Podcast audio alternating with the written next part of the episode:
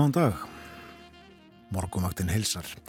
Það er þriðu dagur 13. september, klukkunum vanda nýju mínutur í sjö. Umsjónamenn þáttarins í dag, Þorun Elisabeth Bóadóttir og Björn Þó Sigbjörnsson. Við verðum hér við hljóðnefana til nýju í dag. Og við byrjum á að huga að veðri, aðtjóðum hvernig viðraði á landinu fyrir 50 mínútum klukkan 6 og sjáum að hittastíð var á bylnu frá 3 gráðum og upp í 10.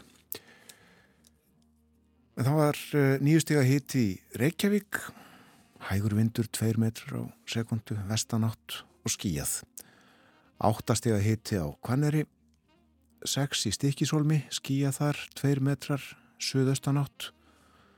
6 stega hitti á Patrísfyrði og nánast logn, 8 gráður í Bólengavík, 4 metrar á sekundu þar, norðaustan.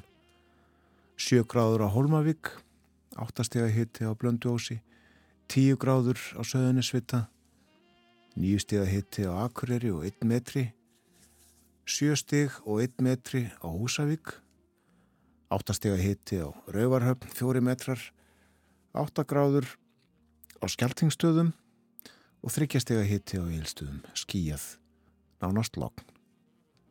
6 stega hitti á Höfni Hotnafyrði, 5 gráður á Kvískerjum og 9 stega hitti á Kirkjubæðaklaustri. 10 stega hitti á Stórhauða í Vestmannegjum og 9 metrar á sekundu þar vestan átt en 8 stega hitti og logn í Árnesi. Og 3 stega hitti við sandbúðir á Sprengisandi, 4 gráður á Hverjavöllum og 5 stega hitti bæði í Veiðivatnarhaunni og á Káranhjókum og uh, hægur vindur á Hálendinu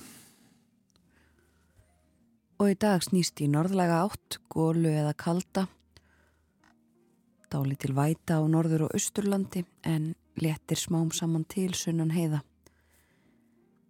Hiti 6 til 14 stig hlýjast siðst á landinu og það bætir aðeins í vind í kvöld. Á morgun fremur hæg norðanátt en strekkingur austast í fyrstu. Dáli til væta á norðausturlandi en annars bjart með köplum líkur á stökuskúrum söðaustanlands síðdegis á morgun. Og hitin á morgun fjögur til 12 stig mildast sunnan til. 13. september í dag, það stýttist í að mánuðurum verði akkurat hálnaður, það verður 15. Já, tíminn líður, það er út að segja það. Og við sem að vöknum snemma finnum munin á byrtunni. Dagurinn í dag svona 7-8 mínútum stittri heldur en gerðdagurinn. Já. Byrting svona 2-3 mínútum setna í daginn í gerð og uh, sólarlag 3-4 uh, mínútum fyrr.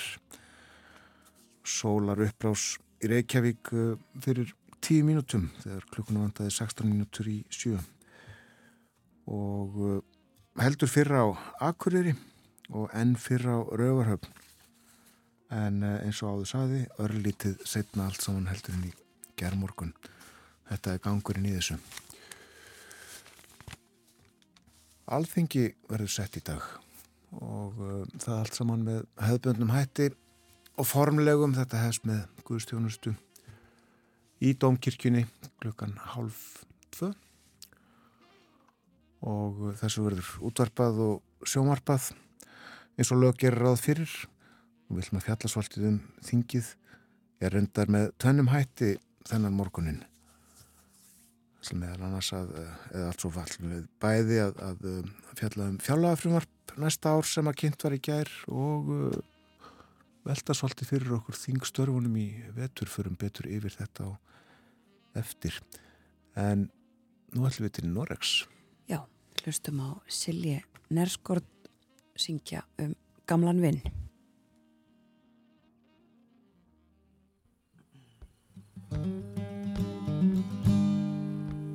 Hei, gamle venn, står jeg ennå foran deg? Er det ennå meg du ser hver gang en ny sang kysser sjelen din, gamle venn? Før den glir bort igjen, gamle venn, alt er lenge Alt er fjern som siste soloppgang, som den sangen vi elsket og sang i hjel, og som tårene i min sjel, gamle venn, det er andre tider nå. Syng en sang for meg om alt som var, alt vi har, og for alt det som ble igjen. Syng for oss to,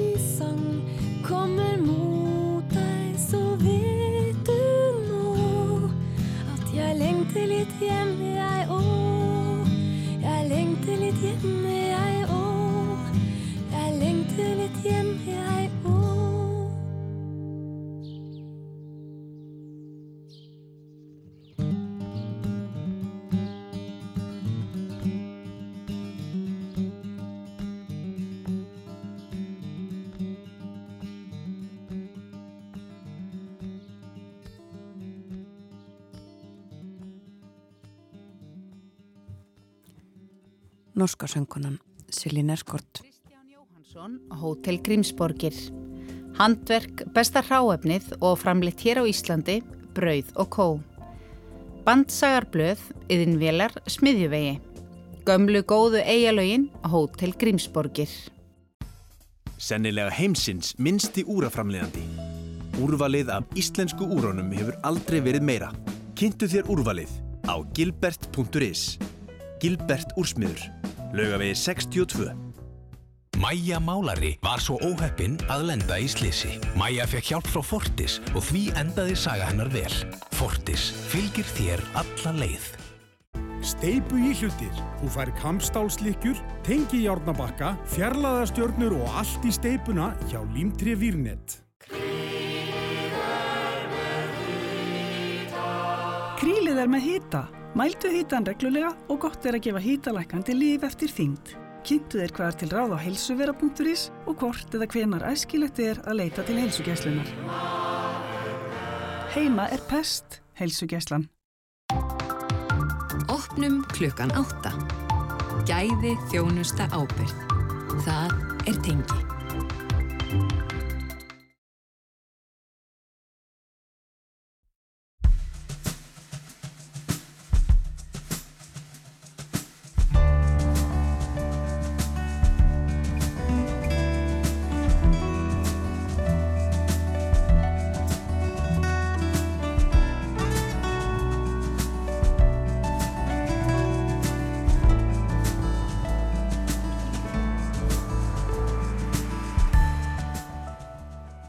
Morgumaktin helsar og býður góðan dag. Í dag er þriðju dagurinn 13. september.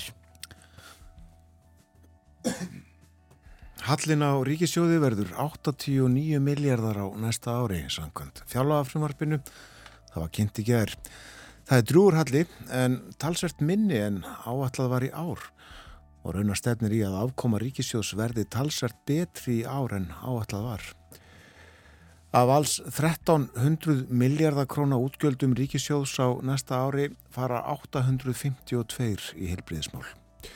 Skuldi ríkisjóðs halda áfram að aukast en lækka sem hlutfall af landsframleiðslu. Eitt og annað forvitnilegt er að finna í fjárlaga frumvarpinu við fjöllum um það upp úr halv átta. Hjá okkur verður Þórðusnær Júliusson ritt stjóri kjarnans. Alþingi verður sett í dag. Forsættisráð þeirra flyttur stefnuræðu sína annað kvöld og umræður um fjárlögin hefjast á femtudag. Allt er þetta með hefðbundnum hætti. Jóhanna Vigdís Hjaltadóttir hefur á löngum ferli í frettunum fylst grant með þinginu. Hún verður með okkur setna í þættinum og við spjöllum vitt og breytt um löggefarsamkomuna og stjórnmálinn. Og svo er það þýskmálefni. Artúr Björgvin Bodlarsson segir í dag frá rekstrarvanda og gjaldtrótum lítilla og meðalstóra fyrirtækja í Þýskalandi og fjalla líka um fyrirhugaða lögleðingu kannabisnestlu sem líst miður vel á. Umsjónamenn morgunvaktarinnar eru Björn Þór Sjóbjörnsson og Þórun Elisabeth Bóadóttir.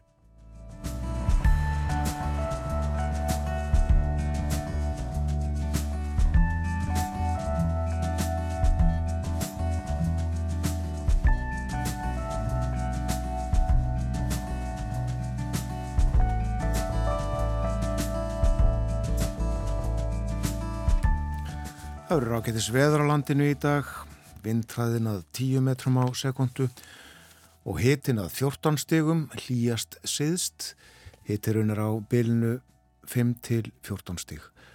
Og uh, það má búast við dálítilli vætu á norður og austurlandi, en það letti smám saman til sunnan heiða. Svona er spáinn fyrir daginn í dag, þrýðudag, og á morgun, miðugudag, þá verður norðan 3 til 8 en norðvestan 8 til 13 austast fram að hádegi og lítilsáttar rigning norðaustanlands á morgun. Annars bjart með köplum en stöku skúrir síðdegis á Suðausturlandi og hitin á morgun fjögur til 12 stig mildast sunnalands. Ágetis, haustuður. Já, uh, þingið sett í dag og uh, þetta hefst með Guðstjónustu í Dómkirkjunni. Og uh, þar uh, mun Hildur Eir Bolladóttir prestur í Akureyrar kirkju predika. Og biskup Íslands Agnes M. Siguradóttir og Elinborg Sturludóttir prestur í Dómkirkjunni þjóna fyrir altari. Kamer Kór Dómkirkjunar syngur við aðtöfnuna Kári Þormar Dómorganisti leikur á orgel. Og uh, svo er þetta gengið yfir í Alþingishúsið og uh, fórsett Íslands Guðni T.H. Jóhannesson setur þingið, þetta er 150. og þriðja lögjafar þing og graduale nóbíli syngur við þingsetningar aðtöfnina undir stjórnsunnu Karinar Einarstóttur og uh, það verða sungin lög eftir Jón Áskesson, Jórni Viðar og Huga Guðmundsson Svo er gert hlið á þingsetningafundi og uh, bóða svo til nýs fundar og uh, þá verður fjölaða frumvarpinu útbýtt og hlutaðum sæti þingmanna. Kemur í ljós við hliðin á hverjum þú situr í vetur. Já, spennandi. Mjög. stefnur aðan á morgun, annað kvöld. Meira en þetta á eftir þegar Jóhanna Víti Sjaldadóttir verður með okkur. Og meira en fjálaða frumvarpið eins og við gátum um í kynningu eftir uh, rúmar 20 mínútur þá kemur Þórðusnar Júliusson rittstjóri kjarnans til okkar og í spjalli um efna og samfélag fjalli við um fjálaða frumvarpið hvað á að innhemta og í hvað eiga peningarnir að fara? Og svo er ímis áform að finna í fjálaða frumvarpinu við þekkjum þetta. Nú á uh, fórsíðu morgunbladsins má sjá mannað störfum en uh, það er verið að taka hljómskólan í hljómskólagarðinum í gegn. Og uh, málning var háþrýsti spröytuð af húsinu í gerð á að laga það og mála gera fínt. En það var byrjað að reysa hljómskólan 1922 fyrir 100 árum verkinu laug ári síðar.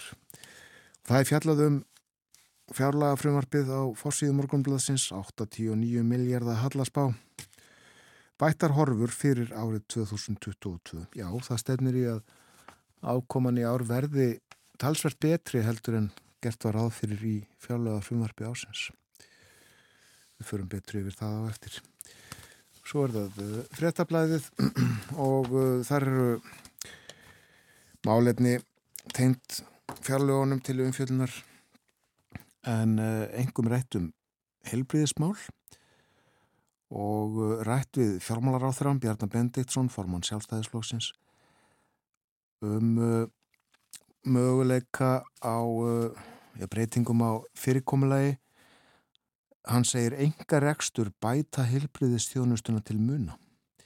Ríkið á að einbita sér að rekstri þjóðaspítalans sem á stærri og þingri málaflokkum sem ekki er skinsamlegt að deila milli aðila. Og uh, hann segir helstu umbætur undanfæri tengjast auknu enga framtaki Í liðskipta aðgerðum hafi samstarfið enga aðeila aukist og gefist mjög vel. Sama á við um hjúkrunarheimilin þar sem margir sjálfstætt starfandi hafa náð frábærum árangri. Ég tel að við munum ná mun meiri árangri ef við aukum samstarf ofinbæra aðeila við enga aðeila. Svo er þess að geta að uh, fórsýðmynd frettablasins var tekinni miðborgar Reykjavíkur í gær þar sem var kyrðastund í tilefni af alþjóðlegum forvarnadegi sjálfsvíga sem var 10. september. Markmið dagsins er að vekja umræðu um sjálfsvíks forvarnir, stuðning við aðstandendur og að minnast þeirra sem hafa svitt sig lífi. Félagar og slökkviliði höfuborgarsvæði sem stóðu heiðusvörð fyrir utan dómkirkjuna eftir að kveikt var á 39 útikertum Það er sá fjöldi sem að ræðu sér bana að meðaltali á ári. Kjörur dagsins virkjum von með aðgerðum.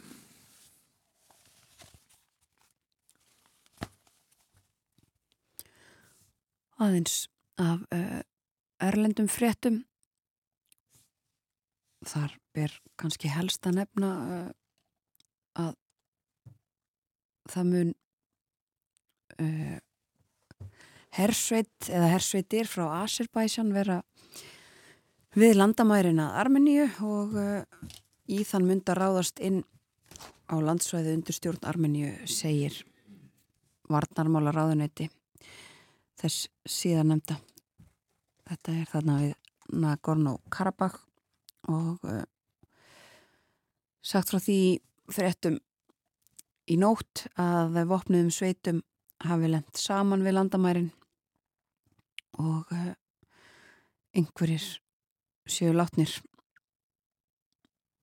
Og svona óljósar frettir sem að berast af þessu ennþá. En uh, við fylgjumst áfram með og uh, svo af öðrum vikstöðum um, Selenski Úkrænufórsiti hefur grænt frá því að segir að Úkrænumenn hafi endurheimt 6.000 ferkilometra landsvæði frá rúsum það sem afer septembermánuði. Og uh, þetta er eins og við nefndum í gæri ekki hægt að staðfesta svona með óháðum hætti en uh, það er þó viðurkjent líka í Rúslandi að uh, rúsneskar hersveitir hafi hörfað frá ymsum svæðum þó að þessi orðað svona með öðrum hætti þar. En uh, þessi árangur uh, úkrænska hersins hefur orðið til þess að uh, ákall þeirra um ennþá fleiri vopn og meiri stuðning hefur svona farið en herra verið að ræða þau mál víða hvort að og hvernig sé hægt að stiðja betur við bakið á Úkrænu Þetta eru svona stóru fréttinnar í uh, flestum erlendum miðlum. Það eru þetta áfram saðar fréttir af uh, stöðu konungsfjölskyldunar í Breitlandi og því sem gerist á hverjum degi núna í uh, þjóðarsorginni þar og í Svíþjóð ætla ég líka að nefna að þar er áframið þetta verða að fylgjast með talningu eftir kostningarnar á sunnudag og stöðu svona viðræðina það er sagt frá því er á fórsíðun á dagins. Nýhet er að það sé ekki búistu því að það verði neinar breytingar á úslutunum eftir því sem að e, talið, talningu e, vindur áfram og líkur væntanlega á morgun eða, eða hinn. En e, fórsvarsmenn hægru flokkana í Svíþjóð e, farnir að funda. Úlf Kristersson formaður uh, moderatorna hann fundaði í gær bæði með formunum Sýþjóðademokrata, Kristilegra demokrata og frjálslinda flokksins Það eru þessi fjóri flokkar sem að mynda þessa hægri blokk sem að hefur uh, einu þingsæti meira heldur en vinstri blokkin eins og sakistanda og uh, verið að skoða hvernig mögulegt væri að mynda ríkistjórn á hægri vengnum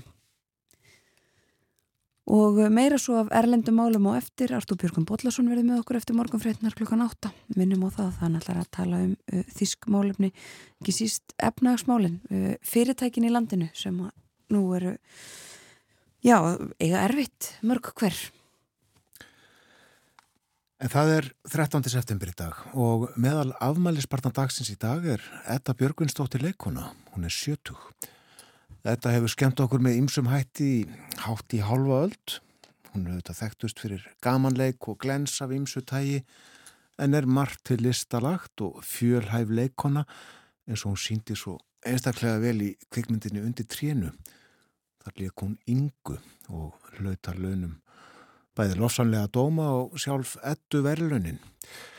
En já, glens, þau etta og Gísli Rúnar Jónsson sem voru hjón framleitu gamanefni fyrir útvarpsvið og sjónvarp margt ógleimanlegt.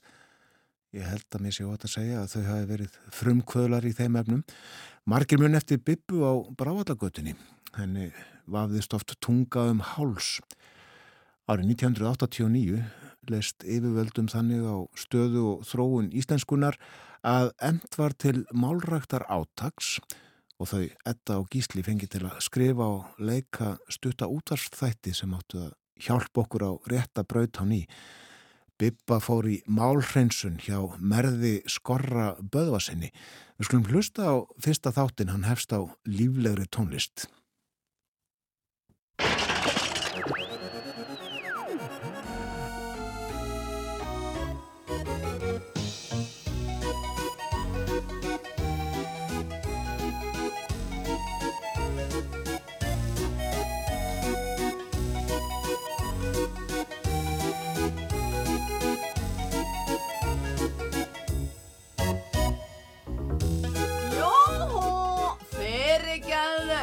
Er ég á réttum stað? Já, já, já, já, já, já, gjörðu svo vel, gjörðu svo vel.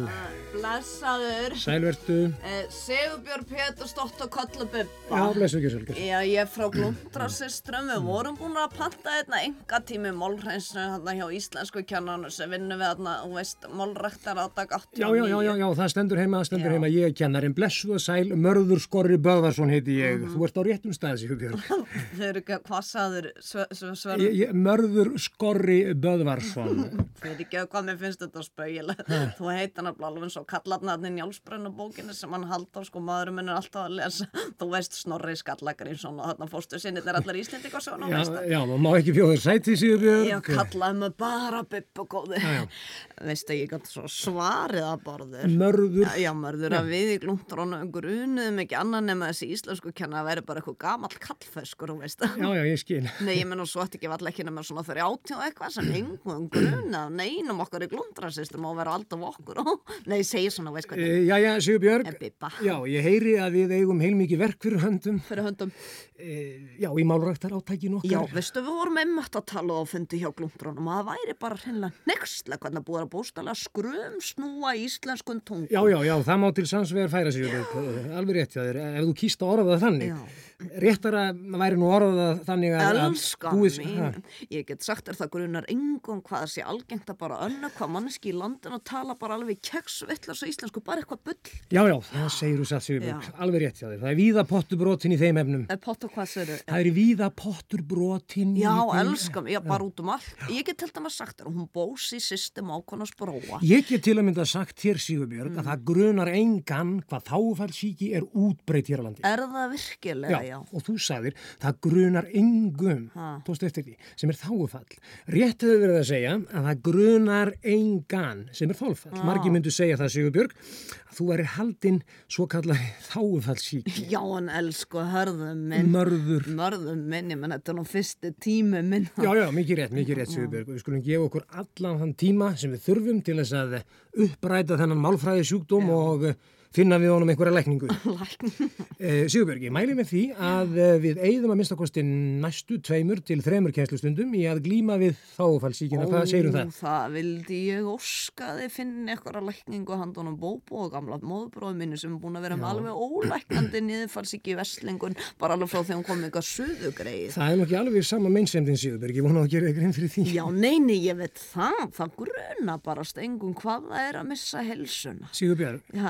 Já, það, það það er Já. það grunar engan hvað það er að missa hilsuna. Það Nei. grunar engan. Nei, ég veit það. Æja, við ræðum þetta betur í næsta tíma.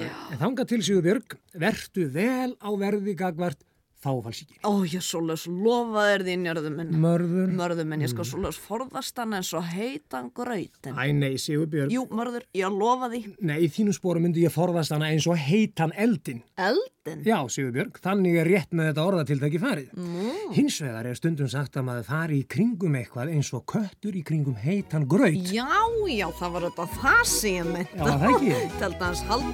Minn, sko, hann að segja á. Kennsluþættirnir Bibba í málhreinsun eru framleittir fyrir málræktar áttak 89 af Gríniðjunni HF. Þar höfum við það Edda Björgvinsdóttir sem Bibba og Gísli Rúnar Jónsson sem mörður Skorri Böðvarsson. Við leikum þetta því tilefni að Edda er 70 í dag. Edda Björgvinsdóttir hefur leikið í ógrinni þátta og mynda og auðvitað á sviði en hún hefur ekki sungið mjög mörg lög inn á plötur. Einhver þó og þar á meðal þetta sem við hlustum á núna það heitir Tíu barna móðir.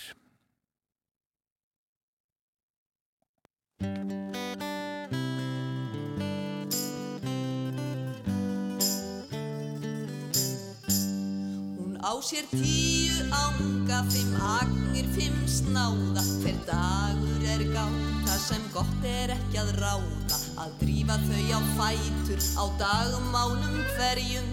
Með dálitlu argi og dángli og erjum. Og tína svo leppan á einn eftir einn. Einn er heldur fljótur en annar of seinn.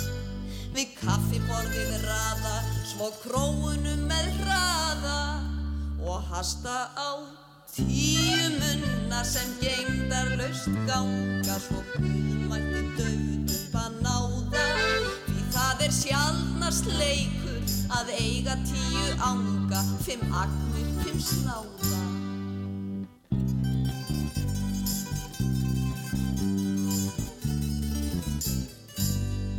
Á sér tíu ánga, agnir, fimm snáða. Einn farað ólmast en annar til náða.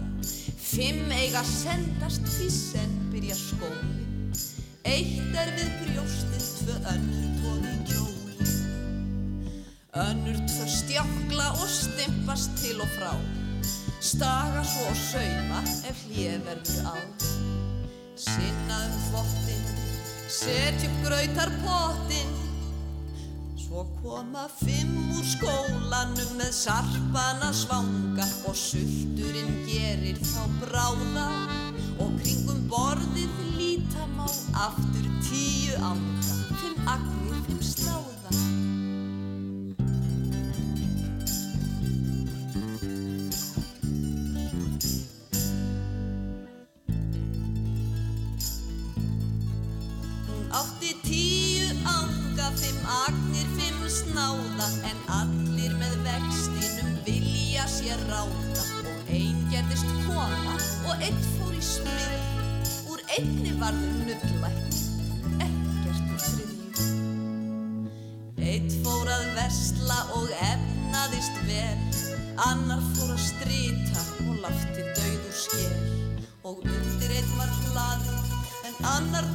Tróðst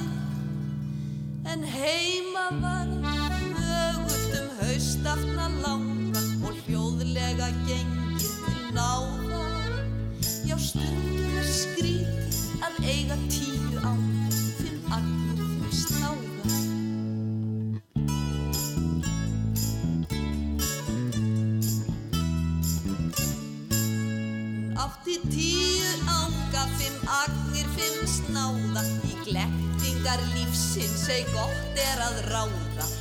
Er glumdi við stofan af gangi og sköllum. Nú stein hljóð og auð yfir stórum öllum Sjálf situr hún bókin og hrum á sama stað. Hvað er annars lífið og til hvers er það? Því undir einn er hlaðið meðan annar treðst í svaðið Það gerir suma metta en aðra aftur smanga. Svo örvænting drýpur til ráða. Já, sitt hvað hugsar móðir sem átt tíu ánga Fimm agnir, fimm snáða Já, sitt hvað hugsar móðir sem átti tíu ánga Fimm agnir, fimm snáða Þetta Björgunsdóttir söng. Tíu barna móðir heiti lagið af plötunni Óli Prigg frá 1984 Magnús Þór Sigmundsson samti lagið og uh, tekstan, ljóðið er að finna í ljóðasafni handa unglingum sem að Finnur Torfi Hjörleifsson tók saman. Og aðeins meira af þetta, hún er í viðtali við frettablaði í dag og segir Það sem gerir þetta svo miklum stemningsdegi er að ég er ekki bara að koma beint úr skólanum til að hoppa á reynsli í þjóðlikúsinu heldur er í full tilhökunar að fara beint í að taka upp ótrúlega skemmtilega sjónaserju líka. Sannsagt mikið að gera hjá henni. Og hún segir þú ert eiginlega að tala við 28 ára gamla konu í blóma lífsins. Og uh, já koma beint úr skólanum segir hún.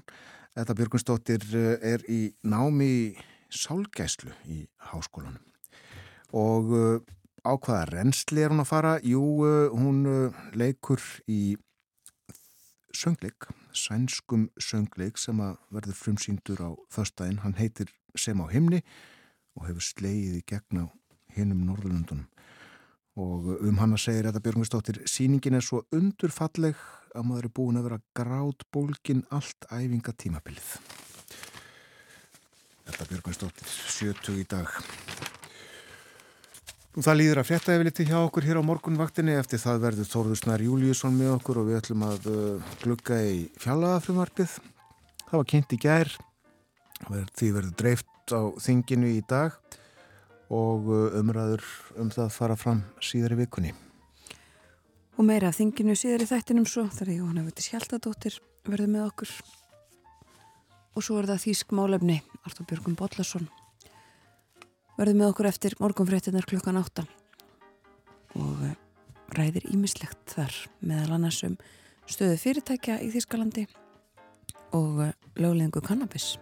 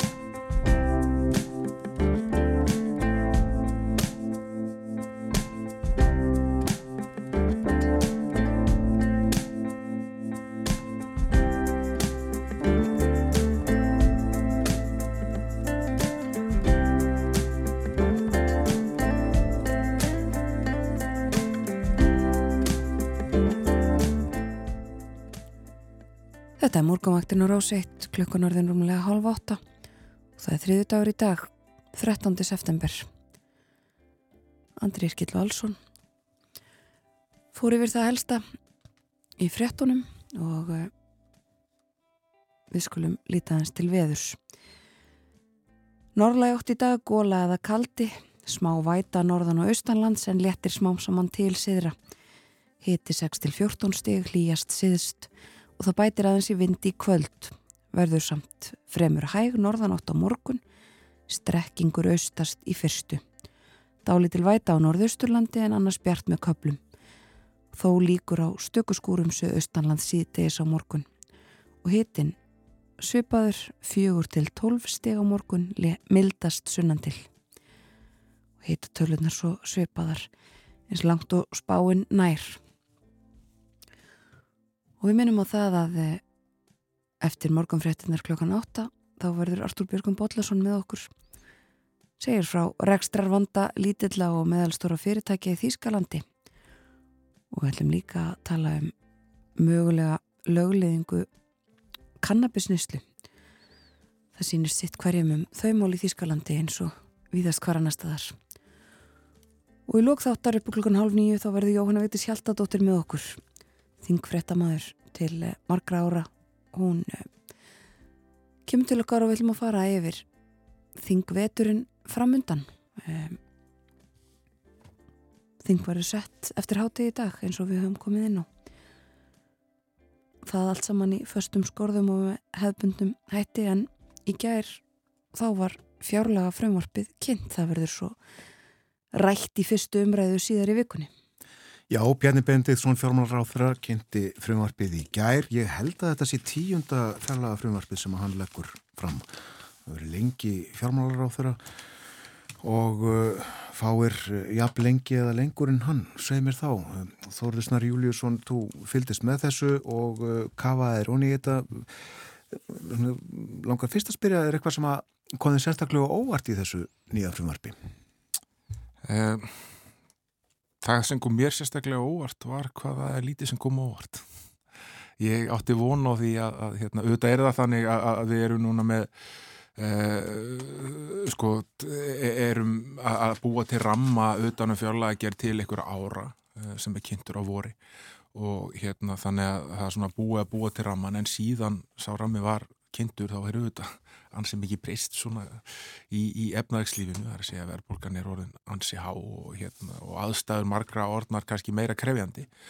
Uh, og í ljósi þess að, að stjórnvöld hafa auðvitað bóðað hérna nýjan, nýtt svona rammasamkommulagum um húsnæðisuppbyggingu til þess að auka frambóð á húsnæðismarka og svoleiðis, þá áttum maður vonaði að sjá einhver merki um það í fjörlega frumvarpinu en En það er ekki, það er þvert á móti er dreyið úr stoppframlögum til, til, til almenna íbúðakerfisum sem 2 miljardar uh, en svo bóðað að mögulega breytist eitthvað við aðra umræðu um fjárlega frumapið þegar það er einhvern veginn búið að nást eitthvað botn í þetta rammasamkomulega sem er doldið óanlegt, verður að segjast eins og er. Gæti það mögulega tennst líka uh, kærarsamlinskerinni?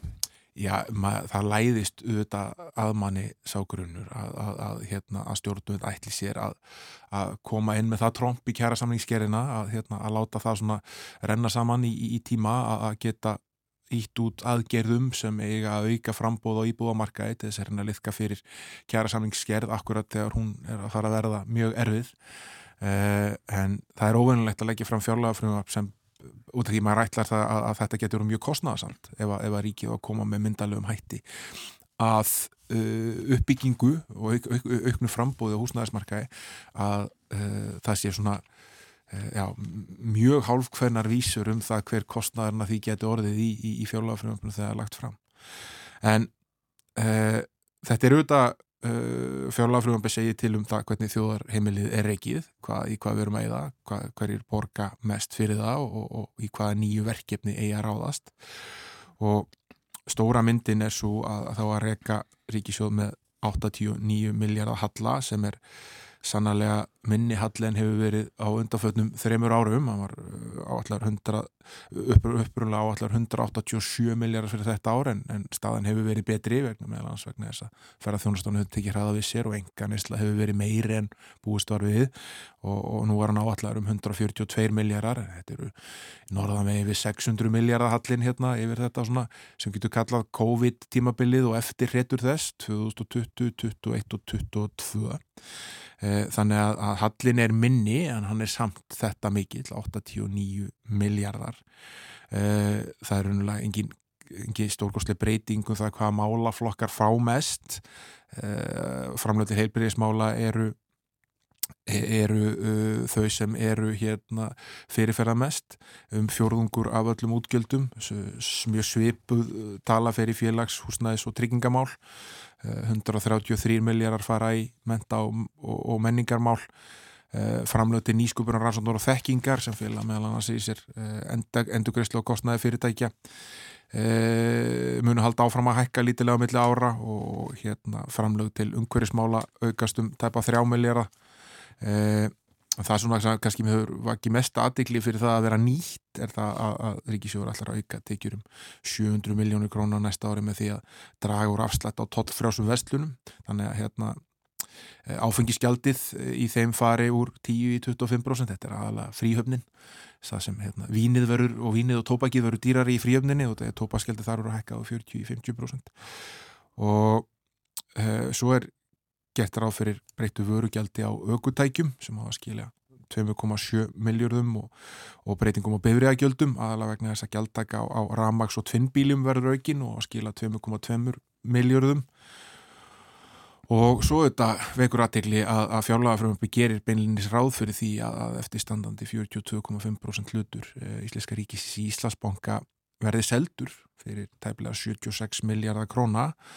Og það vekur aðtegli vegna þess að, uh, salan var sett á ís í, í vor eftir, eftir, eftir mikla gaggrinni á, á síðasta ánga söluferðlis á Íslasbanka og, og í yfirlýsingu ríkistjórnarinnar á þinn tíma var sagt að það er í gert á meðan ríkisendurskoðun og fjármála eftir litt Sælabanka Íslas rannsökuð þann hluta uh, sölunar og nú líkur náttúrulega fyrir að Korki Ríkisendurskoðun eða fjármála eftir litið Sælabankar sé með neinum ofnbörum hætti búin að skila neinni niðurstöðu um sína rathuganir eða rannsóknir.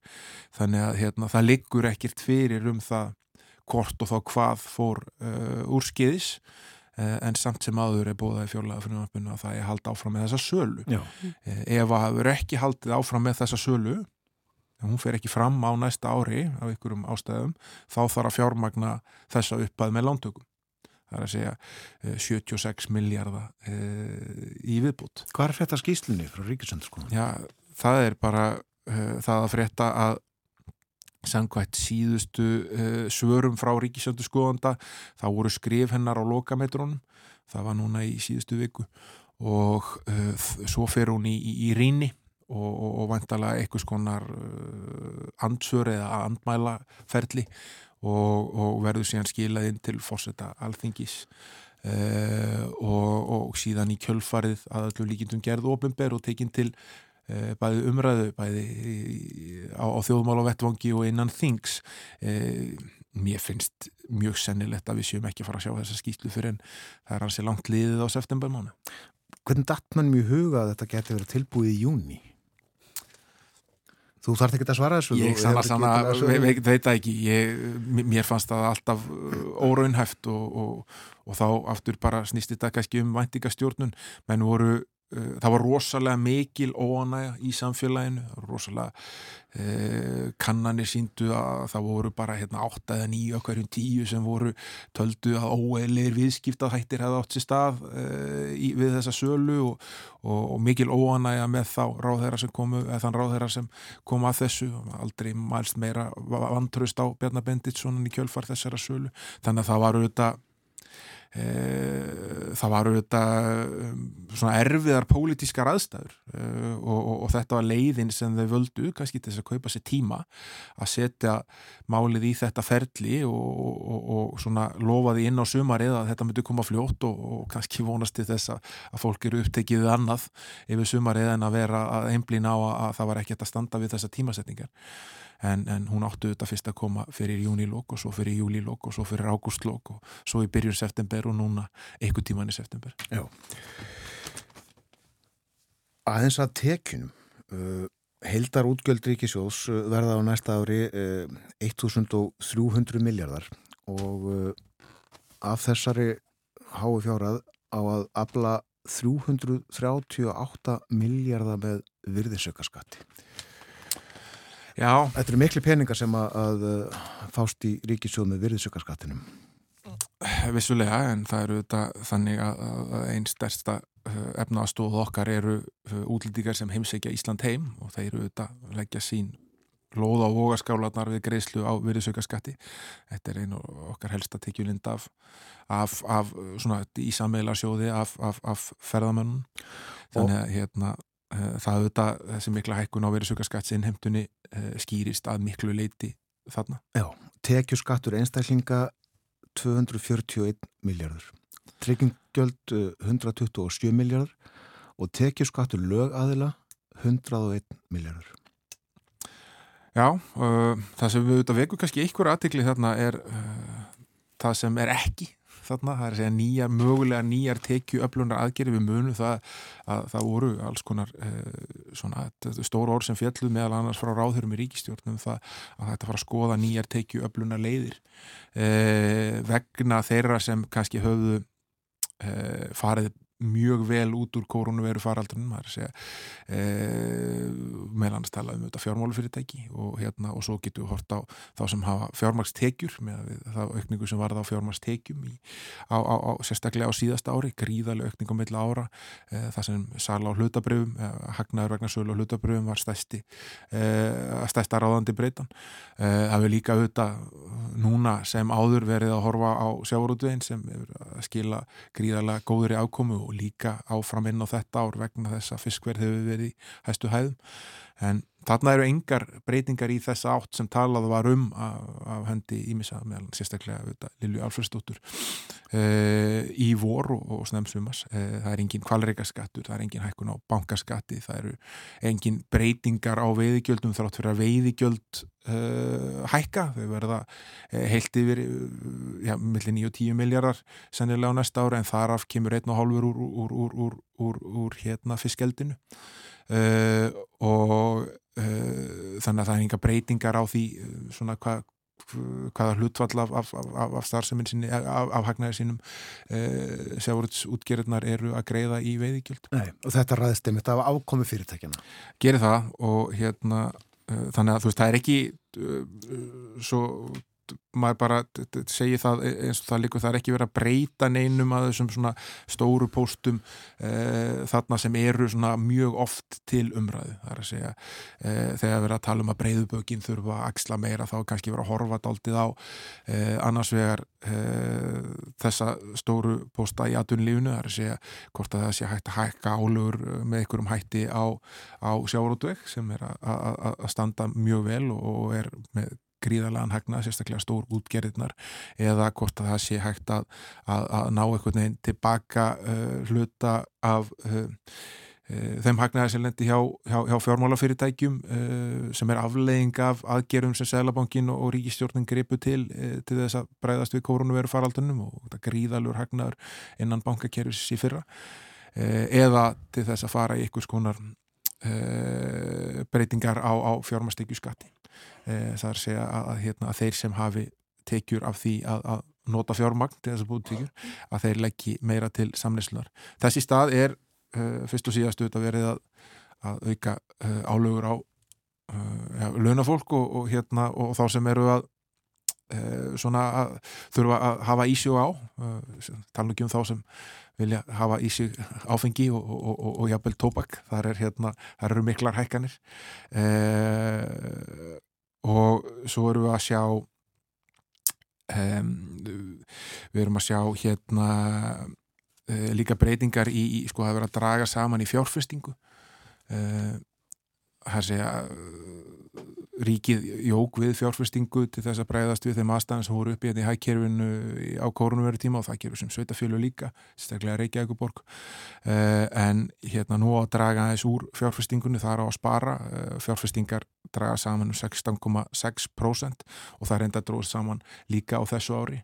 Í kjölfar þessa kórunveru uh, faraldurinn rann sitt skeið eins og hann var að mista kosti hérna 2020 og 2021 og, og svo er búist við því að fjárfesting verði aukin aftur á næsta ári.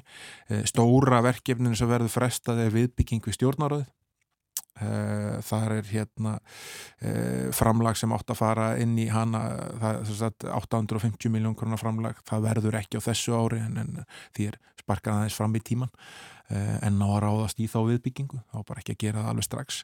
Og svo hefur mikið auðvitað verið talað um það að, hérna, að það er að lækka framlag til stjórnmálfloka til þess að sína aðhaldið í verki. Þegar maður flettur upp í fjárlóðunum þá kemur fram að það er að læka þetta framlag úr 728,2 miljónu króna í 692,2 miljónu króna eða það heilar 36 miljónir það er svona e, tæplega hálf hundra fermetra íbúð á höfurbúksvæðinu mm. sem hérna, stjórnmáluflokkarnir skipta með sér í, í töpuðum tekjum úr ríkisjóði á næsta ári með að við þetta þannig að þetta er svona aðgerð sem er kannski meira uh, tákgræn en, en að hún hafi einhver stórkostleg áhrif í sérstaklega ljósið þessa fjárhægur stjórnmáluflokka hefur þetta stórbatnað eftir að þessi framlög voru margfölduð eh, með samveilir ákvörum flestar stjórnmáluflokka á þingi hérna eh, á melli jól, jól og nýjás árið 2017 mm. Heldur þú það að þetta þrýr flokkar í ríkistjórninni heldur þið séu allir jafn ánaði með þetta fjárlæðafrjóðar? Mér er það mjög til efs og aftur, sérstaklega ef maður bara tekur miða því hvernig þeir tala eh, ég myndi sérna auðvitað á að við hefum verið með hérna, svona framsóknarmegin hefur alveg verið að, að það, það hefur alveg verið svona tala uh, ansið hart fyrir því að fara í sértaka skatlegningu uh, til þess að auka tekjur til dæmis kvalreika skatt og hérna og, og hort svona jákvæðum augum á það að, hérna, að hækka bankaskatt.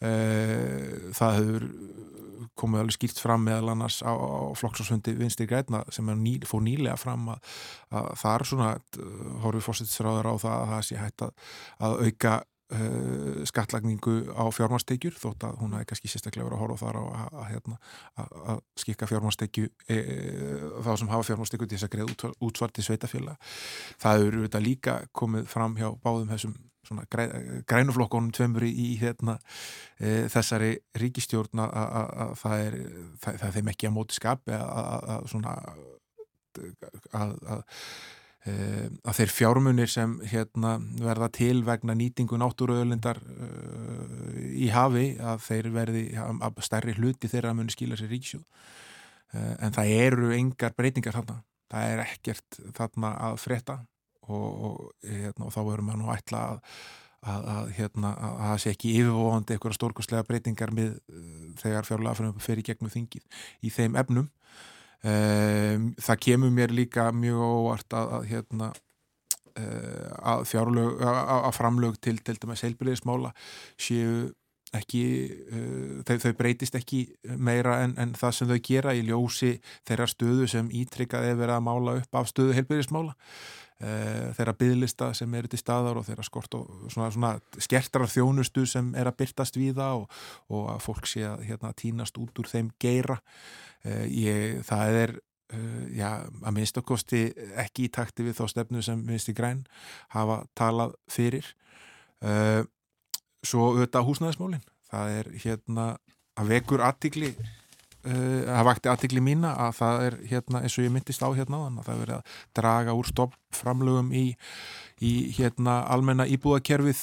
Það er uh, búið að byggja yfir 3000 íbúðir innan þessa almenna íbúðakerfis hérna frá 2016 þegar það var sett á, á fót og, og, og, og langmest hérna í Reykjavík. Reykjavík er aðaldrif uh, krafturinn í, í þessari uppbyggingu Uh, og þetta er risastór breyt og það missa sérstaklega ekki fram í fjárlagafröðumöpunu talið vera einn helst ástæð þess að leiguverð hafi hækka svona uh, miklu minna en, en hérna íbúaverð uh, á undanfannárum 5% hækkun á leiguverði. Og við sjáum 25% hækkun á íbúaverði hérna á höfbúksvæðinu og að það séu ekki sko, séu ekki meiri aukning á frambóðsliðina að fjölga íbúðunum til þess að takast á við þann vanda sem er vegna þess að okkur skortur íbúðir. Út af ymsum hlutum, bæði vegna þess að uh, það myndi hjálpa til við það að, að hérna, draga úr uh, þeim verðhækkunni sem hafa verið, að vinnur með markmiði seglabanka sem að gera það, að auka frambóð þannig sjálfur talað um það að frambóðskorturinn sé eitt vandamálið, uh, en líka vegna þess að okkur skortir vinnuafl og við erum rosalega margir að koma til Íslands til þess að starfa. Við erum líka að taka við fleiri, eh, fólk, meira fólki, fleira fólki á flótta en áður, sérstaklega vegna Úkrænu. Það þarf húsnaði. Eh, og það, það er ekki þarna sem er sínilegt varðandi það að auka frambóðsliðina. Það er búið að það eitthvað til maður setna. En svo er sko eh, sérstaklega að talað um, um hluti sem örfa eftirspurnina það er að segja, það voru samtitt lög í vor sem hérna e, eru alveg þennsluvaldandi það er að segja, þeir hleypa fleirum inn í það að kaupa húsnaði það er fela í sér að kaupundur geta frá næstu áramótu nota svo kallar tilgreinda sérik til þess að sapna fyrir íbúð og þeir sem hafa ekki átt íbúð í fimm ár munu telja sem fyrstu kaupundur og fá þau tæki og tóli hendurnar e, frá með næstu áramótu Hér í blá lokin Þórusnar Júliusson, uh, Ríkisjóður skuldar 1300 miljardar mun gera uh, eftir árið uh, næsta þar að segja skuldirnar aukast á milli ára en það er lækka sem hlutvalla verkri landsframleðslu. Skuldirnar eiginlega akkurat ja, há fjárhæð og útgjöldin verða á næsta ári. Er þetta ágefnið þessar, þessar skuldir og þetta hlutfall? Helt yfir nei, þá er þetta skuld þetta hlutfall uh, ríkisjós uh, príðilegt uh, svona í öllum alþjóðlegum samanburði við hérna ef að áforminum að selja Íslandsbanka ganga eftir þá er búist við því að skuldir ríkisjós verið 33% af verkri landsframleyslu í lók næst ás og það eru þetta ekki stórkostlegt áhyggjöfni sérstaklega með að við það, svona, það, það er þau miklu útgjöld sem ráðist hefur verið í á undarföldnum árum og þann mikla halla, sem við höfum hérna e, svona sapnað upp í gegnum koronaviru faraldurinn og hérna þeirra aðgerið sem greipi til vegna hans þá held ég að hérna að séu fáið sér ekki að halda því fram að skuldastaðan og ríkisjóði sé, sé eitthvað sérstök ógn. Við erum á ágæti stað um, líklega að séða svartara. Og uh, þetta er allt í rétt átt sagði fjármálaráþarinn í viðtali í gerð eftir að hafa kynnt frumarpið Þakkaði kellega fyrir í dag. Þórusnar Júliusson, reittstjóri Kjarnansa fara yfir fjárlaga frumarp næsta ásmið okkur hér á morgunvaktinni. Takk fyrir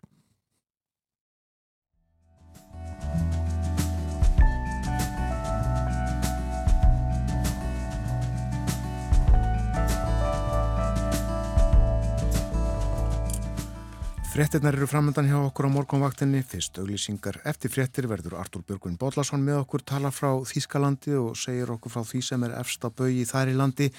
Og svo hér milli hálf nýju og nýju, þingsetningin í dag og þingstörfin í vetur, Jóhanna Vigdís Hjaltadóttir Frettamæður.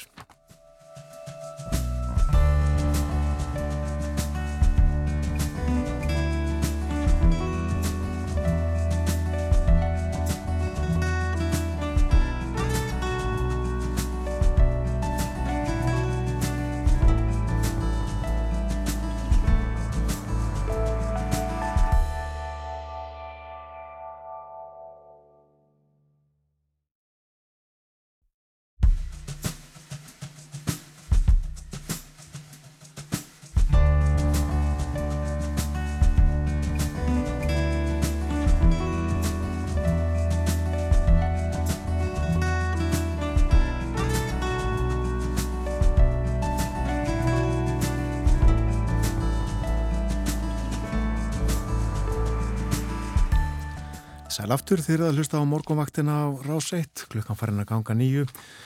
Ágætis veður, sangvært spáni sem Andri Skildvalsson fór yfir hendir lok fréttatímans og þarf að dælja freka við það. Við uh, vindum okkur í þýskmálefni, við erum komin í samband við Artúr Björgun Bodlason. Heil og sæl og góðan dag. Góðan daginn. Það er ímislegt á dagskránu hjá okkur í dag. Við ætlum að tala svolítið um kannabis og uh, líka um... Orðræðu um umræðuna öll ljótu orðin sem að falla á internetinu. En uh, byrjum hins vegar á efnaðasmálum og atvinnulífinu, atvinnu rekstri ég staðin er ekki góð. Nei, það er óætt að segja það. Og uh, nú er mikill örgur í þeim sem að reyka lítil og meðalstór fyrirtæki hér í Þískalandi það er að segja þeirri þjóðfélagsstjett sem að þjóður er að kalla mittelstand og uh, það var fyrir stuttugerð könnun sem að samtök þýska eðnaðar gerðu og hún leiti í ljós að þriðjungur stjórnenda fyrirtækja á, í þessum flokki óttast um afkomu sína fyrirtækja.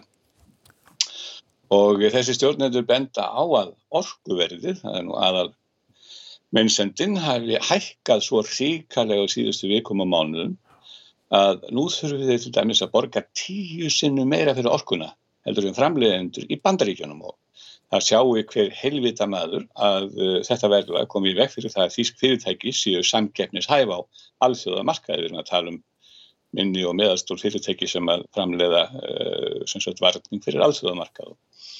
Og uh, fórstjórnum benda líka á að, að uh, nú hafi sko þýsk stjórnvöld með einsum hætti gripið undir eða létt uh, undir með uh, öðrum þjóðfélagsópum, svo sem námsmönnum, eldri borgurum og leyendum, við réttum það nú í þriðtarspjallunum fyrir skömmu að, að uh, það var verið að gera aðstafanir til þess að létta undir með þessum hópum.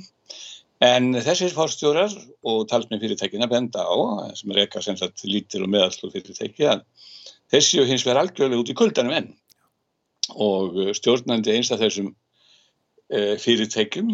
Uh, hann talaði, orðaði þetta þannig að Þískaland bara sé á hraðri leið ef ekkert verið aðgert inn í dýfstu efnahansleið og mestu kreppur sem hefur herjar á landið frá því setni heimstyrjum lauk. Og það var aðtöklusvert viðtal sem að var byrtist sér við þennan mann, hann er fórstjóri fyrir málmbreðslega, málmsteipu fyrirtæki með 170 manns í vinnu. Og hann segist þurfa að nota gríðarlega mikla orku í framlýstuna og eh, hann er ákvæmlega harðorður í Karl Habecks eh, viðskiptar á þeirra fyrir að hann skuli til dæmis leggjast gegn því að þau þrjú kjarnorkuver sem enn er ekki búið að aðtengja hér í Þískalandi séu ekki áframlátum framleiða orku. Uh, Habeck ákvað að tvöðra yrðu svona til tax, yrðu þá til vara fram á næsta vor ef að áþýrst að halda þess að heitir og þessi fórstjóri heldur því fram að Habeck láti þarna hugmyndafræði græningaflokksins stefna fram til þýskra, eða þýsks yðnaðar í bráða hættum og eh, það er ekki lögum að mála. Það er erfitt svo sem fyrir uh, viðskiptar á þeirran sem Habeck sem að er einnig fórustum um græningaflokksins flokk sem að hafi er sprottin upp úr anstöðinu í kjarnaskuna að fara að láta kjarnorkuverin halda áfram og, og, og breyta því að, að þau er hægsta starfsemi núna varamótin. En e, þessi ágættum aður sem ég er að tala um, hann reknaði út að ef ekkert gerðist, þá þurfti hann að borga, en myndan þurfa að borga þrefalt, þrettánfalt fyrir ég, þrettánfalt hærra verð fyrir orkun á næsta ári. Og þetta þýðir að hann verði að hækka verðið uh, á framleyslunum með helming á næstu tól mánuðum og það geti hans viðskiptavinni sem er aðalega vélaframleðendur að þeir geti ómögulega að borga svona upphæður og því þessi eru sjálfur aðþrengdir og, og ef að þetta sko, ef að þeir ráði ekki að borga þessa, þetta hækkaða verða þá verður þessi málsteipa hans gjaldróta á fyrsta fjóruðungi næsta árs. Og þessi sami tól kemur frá fjölmörgum öðrum fyrirtækjum svona vitlum og, og meðarstórum og margir stjórnendur þeir þessara fyrirtæki þeir eru svo gramir að að þeir eru jáfnveg fattir að láta því líka að, að, að þeir munu fylgja líði til belginu og mótmæla fyrir þetta þinghúsi og það var nú aldrei sagðar næsta bæjar ef að að fara að mótmæla Já. fyrir þetta þinghúsi og, og, og það er alveg ljóst að stjórn Ólaf Sjóls verður að grípa fljótt til einhverja árangusríkra úrræða ef það átti að fara illa. Þýskalandu þetta gríðarlega öflugt yðnríki, eh, þar er framleitt í allt milli heimis og jarðar nánast Já, það, má, það er rétt og það má ekki gleyma því að lítil og meðarst og fyrirtæki eru svona hryggdykki í, í þýsku aðtunu efnarslífi. Þetta er svona einna mikilvægstu stólponu sem að þýska hægkerfið byggir á.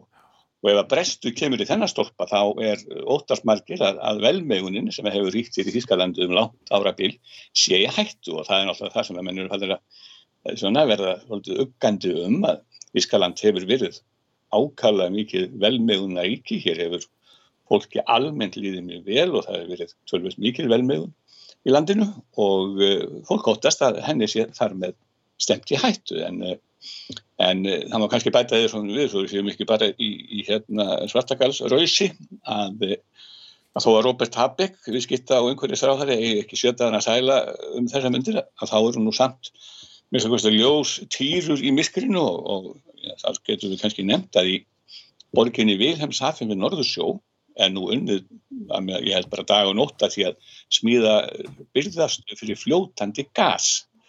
Og uh, venjulega tekur svona framkvæmt að þessari stærðagráðu mörg ár en, en það er ætlun að hraða þessu verki svo mjög að vera hægt að taka þetta mannvikið í nótkunum næstu áramót þar að stýtta ferðliðum 56 ár. Og uh, menn binda vonir við að, að, að þegar að fullt flæði verður komið frá þessari byrðastöð þá geti gasmagnið komið í staðin fyrir um 40% af rúsagassinu sem að þjóðverðir mistu þegar rúsar skrúðu alveg fyrir. Og e, það geti þá verið svona eitt ágætt svar við teilunum Putin sem eru mjög augljósa þess að klekja á verðuríkjum með því að skrúa fyrir, fyrir orku til þeirra. Þannig að e, það er svona einsarfangkvæmdur í gangi sem að menn binda vonur við að geti létt eða, eða minka skellin en skellur verður á komandi vetri, það er nokkuð ljóst. Já. Aðeins meira með kjarnorkoverin Artur Björgvin, uh, hvert er svona, hver er skoðun almennings almennt á, á því að, að það eigi ekki að auka eða, eða halda áfram að nota kjarnorkuna með sama hætti og verið hefur þrátt fyrir þennan vandan? Já, allar kannari hér sína að almenningur er hlittur því að kjarnorkuverðunum verður lokað. Hins verður almenningu líka, eða meiri hluti almenningu, meiri hluti þjóður er líka hlindur því núna sína kannanir að vegna þess neyðar ástands í orkumálum sem nú er að skapast eftir að rúsa skrúðu fyrir þetta margum rétta gas, eh, flæðið til Þískanans, að þá, þá sé fylsta ástæði til þess að lengja líftíma allavega þeirra þryggja orkuvera sem enn eru nothæf og uh, þar má segja að uh, meiri hluti þjóðarinnar sé ekki sammála Habeck og greiningum um að, um að hafa þann háttin á að, að láta eitt, aftengja eitt orku verið og láta hinn tvö vera svona til vara. Og svo er annað að menn hafa bent á að þetta sé afskaplega dýrráðstöðun, ég er nú ekki svo sem inn í þessum kjarnarskum málum nákvæmlega en ég hef séð því haldið fram að málsmitandi mönnum að, að það sé mjög dýrt að halda verunum opnum og í gangi þar að segja halda þeim reyðubúnum til þess að fara af stað ef er skipta, það kosti mikla peninga þannig að, að það sé, sé verið að eigða peningum í algjörun óþarfa. Mögulega, eða svo ekki rest og það eru margar hlýðir á þessu máli en, en, en svona ég held að almennt að þau verið sætt við svona, flestir hverjir að, að kjartnorskan sé ekki svo uh, orkulind sem við viljum nota til frambúðar. Og það er líka annað að nú er til dæmis komið upp mál sem við getum kannski spjallað mikið sem að setna svislendingar voru að tilkynna þeirri allu að, að, að væri búin að finna stað fyrir þess að kjarnorsku uh, þennan kjarnorsku úrgang sem er nú eina aðal hættan við kjarnorsku verin að þessi baneitrið úrgangur hann þarf uh, sko einhverstaðar að, að geimast og nú alltaf svislendingar að þykist að vera búin að finna góðan stað fyrir þennan úrgang en það er alveg þýsku landamærin þannig að bara rétt hjá þeim. Þannig að þjóðverður er ekki par hrifnir að þessari hugmynd því þeir eru nánast bara að grafa þessi, þessi núrgangi jörðu við landamæri Þískarans og, og það, þessu hefur verið harlega mótmælt en uh, þetta eru mál sem við kannski tökum aðeins betur fyrir sér. Já, endilega. Uh, við varum að fara í allt annað aðra sálma. Uh, það er talað um það í samstarfsáttmála ríkistjórnarinnar að það eigi að leifa frjálsasölu á kannabis og þetta er ekki, ekki óumdelt mál.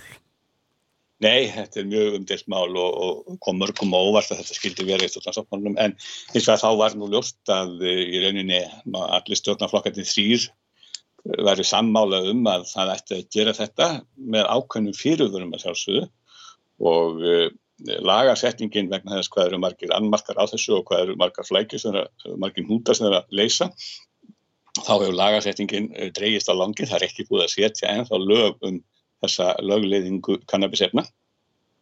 En tilgangur með þessu, þessari aðgerð uh, er að, að, að binda endi á uh, svartamarkasbrask og glæpi sem að hafa fyllt uh, kannabis notkunni hér og, og afglæpa væða notkunni á þessu efni og gera það bara að setja það á sama, sama bekk og, og, hérna, og áfengi. Og kristilegi flokkurinn í Bæralandi, CSU, Kristi Sociali Unión hefur hins vegar andmalt í kröftulega að, að það veri sko að kannabis verði lögvætt og löglegt á sama hátt og afhengi og, og hérna og á þingi flokksins í síðustu viku þá var Markus Söder formaður flokksins og fórsettisáður að bæra hans og hann var mikið nýri fyrir þegar hann rætti þetta mál og hann var, hún var heldur betur á í messunni þegar hann höfðist vara við því að, að ef að menn lögletu kannabist þá getur nú sko aukist nýstla og mörgum öðrum efnum, hardari efnum í kjölfærið þannig að næst er það kokain og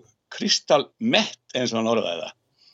Kristalmett og hann hérna það visti sem sagt að, að, að erfitt fyrir ráðhverjan að bera fram heitið á þessu efni því það heitir ekki kristalmett, þetta er kristalmeth með TH mm og þetta TH í ennskunni var vist eitthvað fyrir honum en það er það nú svo að bæjarar eiga almennt í miklum erfiðleikum með önnur tungumál en bæjarskuna því að viskan þeirra er svo uh, snúin og hún er mótandi. Og þeir eru jáfnveg mjög erfitt með að tala skiljanlega þýsku. Og hérna, það er frekt að maður getur hitt bæjara og það hefur komið fyrir mig nokkur sinnum að ég hef hitt bæjarverð fólk. Alltaf þarf að tala við það á þýsku og uh, hef ekki skiljuð orði því sem það hefur sagt á móti.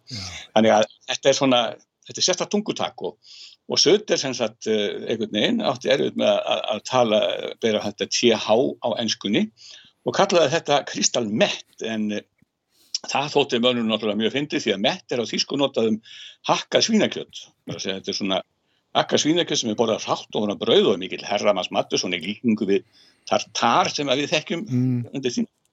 Og uh, þetta greip til dæmis þýski heilbyrðis þegar það er Lauterbach á lofti sem er nú ekki alveg húmorslaus og sagði að ótti sutters eða kannabisneisla geti eitt í þessum menn færi að bjóða, sko, að, að, að borða meira hrátt svínakjött. Það var alveg ástæðulegs því að ríkistjóttum myndi eftir sem áður standa vörðum hagsmunni græmiðtis æta í landin og ekkert verðan gera því mikil óleik með þessu. En, en þetta sem þetta er, að fara þessum uh, erfiðleikum sutters með að bera frá Kristall með að þá er þetta mjög undelt mál og uh, þeir sem að mála svört, svörtustu myndina þeir óttast það að þjóður að verði bara upp til hópa allir hæ, sko, hátt uppi þegar þetta fer á stað og, og uh, benda á að, að, að, að þetta sé eina Evrópuríki fyrir utan Holland sem að uh, það sem þetta sé leitt. Og það er eitt vandamál sem er komið upp núna að það bara gerast í gerðað fyrir dag að þá uh, var kom tilkynning frá Evrópusambandinu um að lögleiðin kannabisefna samrendist ekki lögjöf Evrópusambandins þannig að þjóðverðir þurfa að skoða þetta mjög vandlega áður en þetta verður gert og áður en menn geta farið að setast e, út á einhver kaffihús, kannski verður þetta bara eins og í Hollandi á endanum að menn geta farið á coffeeshop og, og fengið sér jónu en, en það er einhver, verður einhver bíð á því. Já, er talsvert um kannabisnestlu í Þýsklandi? Já, já, sérstaklega hjá ungu fólki maður heyri það, það er mjög mikið um það og þannig að það sem er málið að, að það er mikil kannabisnesla hjá unga, unga fólkinu hér í Þískarlandi eins og í mörgum vestarnir ríkjum held ég og, og mönnum finnst þetta skjóta svolítið skökku við að vera að fólk sé að pukrast með þetta og kaupa þetta á svörstum markaði og, og því fylgja náttúrulega að fólk er sem sér í peninga. Fyrir aðeins efnum að það fylgja innbrót og þjófnöður og svona og þess vegna telja menn og þetta er nú held ég hefur verið rétt í mörgum löndum, ríkjum öðrum hér í Európa að það sé rétt að afglæpa væða í það minnsta kannabisefni því að þau séu ekki eins skadlega eins og, eins og þessi harðari efni þó að ég ætli nú ekki að velja að dóma það sjálfur. Nei. Þá eh, að umræðunni, ofinveru umræðunni, orðræðunni í Þýskalandi, eh, við þekkjum internetið og ekki síst kommentarkerfin eh, þar sem að, að margir láta alls konar ljót orð falla og um þetta hefur fjallað í einhver helsti hugsuður Þýskalands í dag. Já, það er alveg ótrúleg elja í þessum ágæta hugsuði Jürgen Habermas sem að eh, hefur nú verið þekktasti eh, félagsvísinda eh, maður og, og, og félagsfræðingur og heimsbyggingu þau verið síðustu ára tugina.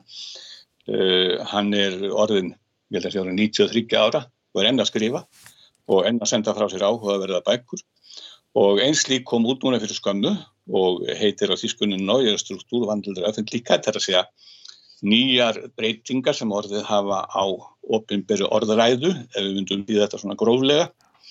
En eh, þar eh, sko, er hann að nýta aftan við bók sem að gerði hann þekktan á sínum tíma og er eh, síkilt verk í þýskum félagsvítundum og heitir struktúru vandildur öfell líkætt eða, eða sem breytingar á, á ofnbyrju orðræðu og kom út 1962 fyrir hvað, 60 árum og e, þar sem hann var að reyka breytingar sem hafa orðið á þessari orðuræðu í aldana rásalvi svo því að hún var algjörlega undir merkum, merkum kirkjunar og, og setna á tímu upplýsingarinnar svo hjá eh, borgurunum og, og, og svo í fjölmiðlum nútímans. Og í þessari nýjustu bók sem að hann var að gefa út núna eh, sem er greinarsapt, það er þrjálf greinar eh, í henni, þá orðar hann á ekki svona því að, að, að í stafræðinu samskiptamíðlunum séu mörkin á millið ofinberður umræðu og enga samtala eða enga tals algjörlega þessu skrút þar að það sé komin algjörlega ný vít í þessa ofinberðu umræðu eða orð, almennu orðræðu Eh, orðaðið fólks á almennu vettvangi og, og uh, þetta meðal annars uh, sko gerir það verkum að, að geta lesendar sem fylgjast með þessu sem er gerast á netinu, sem er gerast uh, í stafrænumilunum til að greina á millir raunverulega raka og skoðan annars og persónulega slekkjudóma og þá aður við erum svo reynd út sé alltaf að slæfast þar að segja að geta hann sé að minga hjá fólki til að greina þetta milli og, og alvöru skoðanarskiptinni sem séu byggð á rökum og rökstuttum uh, skoðunum. Uh, þau séu spámsafann á undanhælti fyrir allsken svona ógrönduðum og rakalösum sleikidómum og persónulegu nöldri og næggi. Og uh, hann segir þetta er mjög hættulegt vegna þess að, að sko opimber og, og skinsamleg vitran orðræða er eitt af hortsteinum þess sem við köllum líðræði. Og, og eina fórsöndu þess að við getum haldið líðræðinu gangandi og er mjög mikilvæg þáttur í okkar samfélagi og þegar þetta, eh, sko, þegar þessi hortstinn er farin að bresta og, og, hérna, og þetta er alltaf undanhaldi að þá getur það orðið skadrilegt líðræðin og hann bendir á dæmi eins og það sem hafi gæst í bandaríkjónu þegar að, að bandaríkja fórseti tók þátt í að, að hvetja fólk á samskiptamillu til að, að að þingúsin í Washington. Mm. Hann segir sko svona hlutir þegar að sko litlir hópar komast upp með það að vera með öskur og læti á, á á, á samskiptumöðlunum sem geta valdið stórum skafa að þetta sé mjög hálskalett fyrir líraði og, og það þannig ekki að benda á það tökum þetta alla leið að, að, að hérna, rakalös rakalös upprópanir sem voru sem höfða bara til tilfinninga eða, eða skynd eða æsings í, og æsuð fólk að það er náttúrulega þar á sem hann hafi verið notuð í áráðus í áráður í öllum tímum og það eru auðvitað síksaga geymið þar bestu dæmin, það eru næstistar fóru að láta sér hverða, það notuður sagt, allt nema skynsimiðrök og í sínum áróði og hérna þannig að þetta er hann segir að starranabilding geti sko, fættar sér margkvaldar hættur og margar hættur fyrir undirstöðu líraðisins í landinu en þetta er svona aðtrygglislega sjónamið og, og, og mjög merkilegt að maður sem er komin á týraðis aldur skuli ennþá vera svona eh, sprekkur og með fingurinn algjörlega á pólsunum í, í samfélagsmálum. Akkurat. Við setjum punktin hér. Eh, kæra þakki fyrir í dag, Artúr Björgvin. Takk sem við leiðis. Artúr Björgvin Bodlason með eh, tíðindi frá Þýskalandi hjá okkur á morgunvaktinni á þriðutarsmórnum. Það líður að fréttaefliti fáum það á slæginu hálf nýju eftir fimm minútur fyrst auglisingar og eftir fréttaefliti verður Jóhanna Vitir Sjaldadóttir með okkur fréttamaður Við ætlum að fjalla um þingsetninguna í dag og þingstörfin framöndan.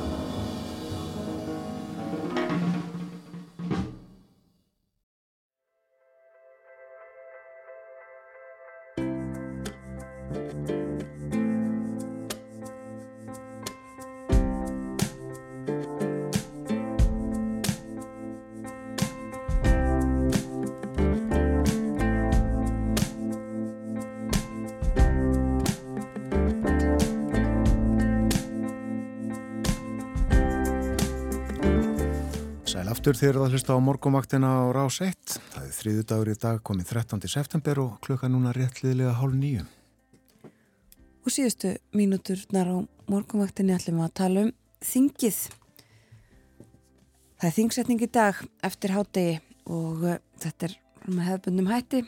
Uh, allt eftir ákveðnum reglum og uh, þær reglur eins og flest annað sem við kemur þinginu þekkir Jóhanna Veitis Hjaltadóttir frettamæður og hún er komin hinga til okkar. Góðan dag, Jóhanna Veitis. Góðan dag. Var þetta ekki fyrsta þingsetningi núna í, í 2-3 ár þar sem að allt er með þessum hefðbunna hætti?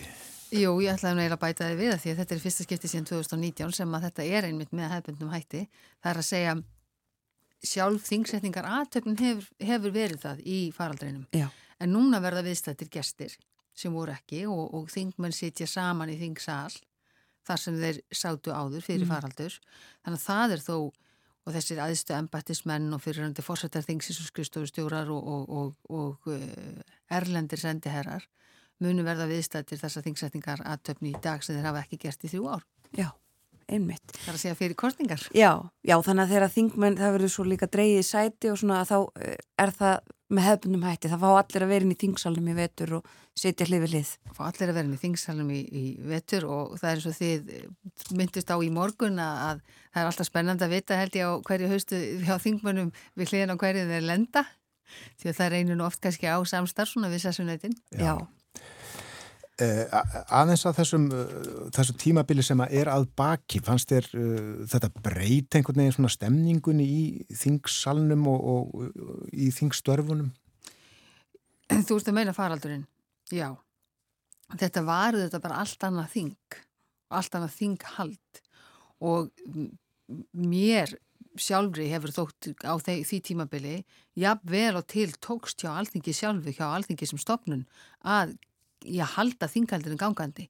Það var bara ekki sama snerpa í þingstörfunum, þingmenn voru dreifðir bæði í aðalsalum í miðjunni, í fjögur herbergi sikkur með við, þeir gáttu ekki þingmenn sem fór í andsvör við hvern annan eða ráð þeirra skátt ekki einhvern veginn náð aukkontakt við þann sem þeir voru að tala við.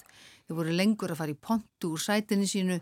Þannig að það var, það var svo fátt sem gaf tilöfni til einhverja snerru í þingsal eða einhverja átaka svona um, um, um mjög mikilvæg mál Minna gripið fram í? miklu minna gripið fram í að því það var eiginlega bara ekki hægt en á móti kemur að þetta það gekk að halda þinginu gangandi en auðvitað eins og margir benda á sérstaklega núna ef við getum leitt okkur að segja að þetta sé upphaf kjörtíðanbilsins, það er ekki ár frá kostningum sem voru 25. september í fyrra og ríkistjórnum ekki myndu þarna fyrir í loku november að uh, kjörtíðanbilið síðasta enkendist jú af faraldrinum og aðgerðum stjórnvalda og samminu þá við stjórnarandstöðu um hvernig bæri að bregðast við og það er svo við veitum að náttúrulega þrý, eikið í aðalhutverki ásand fórustu ríkistjórnarinnar.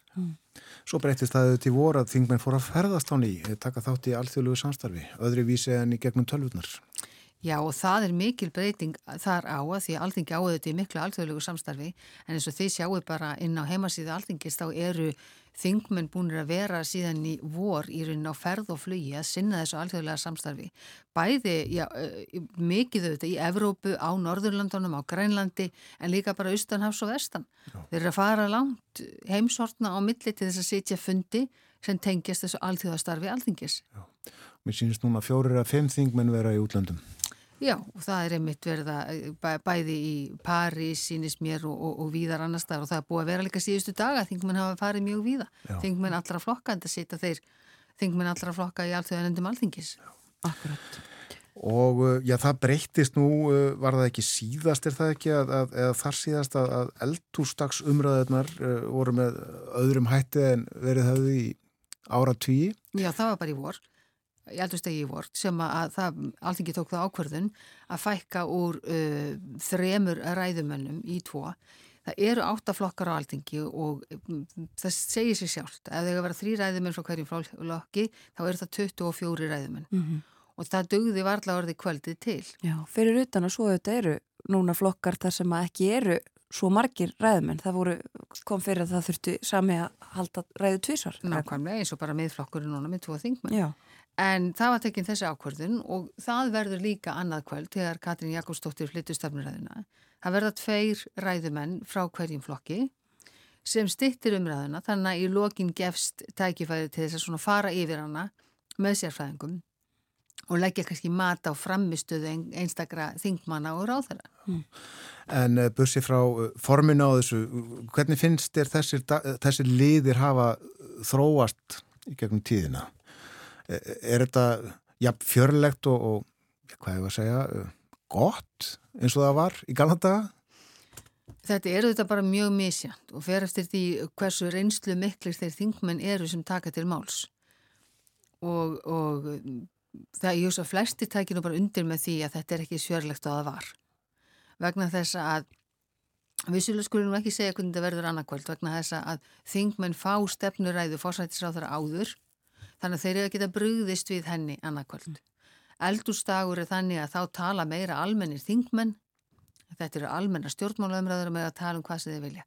Stefnuræðan er auðvitað meiri þungavíkt, það er meiri pólitík í því þar sem er verða að, að fórsættisráður að freytu stefnuræðu sinna ríkistjórnar og þingmenn fá tækifæri til að bregðast við henni. Mm. Og það ætti auðvitað að verða miklu pólitískari umræða og miklu svona kvassari. Já, flokkarnir leggja línutnar fyrir veturinn. Þeir leggja algjörlega línutnar fyrir veturinn. Og svo við bara kannski tölum um það, þá við tölum um helgina við Ólaf Þóttna Harðarsson, professor í stjórnmálafræði, sem sagði bara að þetta gæti orðið fjörugur vetur fyrir ríkistjórnuna, þetta gæti orðið erfiðu vetur fyrir hana, að því eins og við vorum að tala um hér áðan, faraldurinn er að baki, lefum okkur bara að vona það algjörlega, hann er að baki og þessi viðbröð við honum. Fjármálar á þeirra búin að kynna nýju fjárlegin fyrir næsta ár, hann spáur svona betri tíð, þetta sé nú alltaf koma eins og þið fóruð yfir með Þórði Snæ hérna áðan. E, Ríkistjórnin hins vegar nú kannski reynir meira á þeirra samstarf. Og það hefur verið talað um að svona límið í þessu stjórnarsamstarfi séu formen þessara þryggja flokka. Og nú reynir á samstöðu þeirra eins og Ólafur Harðarsson bendi á. Og hann sagði að það er því alvarlegt ef að það kemur brestir í það samstarf sem heldur uppi þessa ríkistjórn Uh, á móti kemur að við, okkur er, við tölum mikið um stjórnar andstöðuflokkana. Það eru áttaflokkar á alltingi og við sagðum. Það eru fimm flokkar í stjórnar andstöðu og svo eins og margótt eru þetta komið fram að þá ólíkt stjórnarflokkanum þá völdu stjórnar andstöðuflokkarnir ekki hvern annan til einhvers samstars þeir miklu frekar bara sátu uppi með hvern annan. Já. Þannig að, að það er ekkert að gera kröfu á þeirra samstöðu þótt vissulega komun sér vel í málum kannski sem þau koma sér sam, saman um að vera á móti ríkistjórninni. En það eru þarna þrýr flokkar sem kannski gætu gengið í takt eins og samfélking viðreysn og píratar.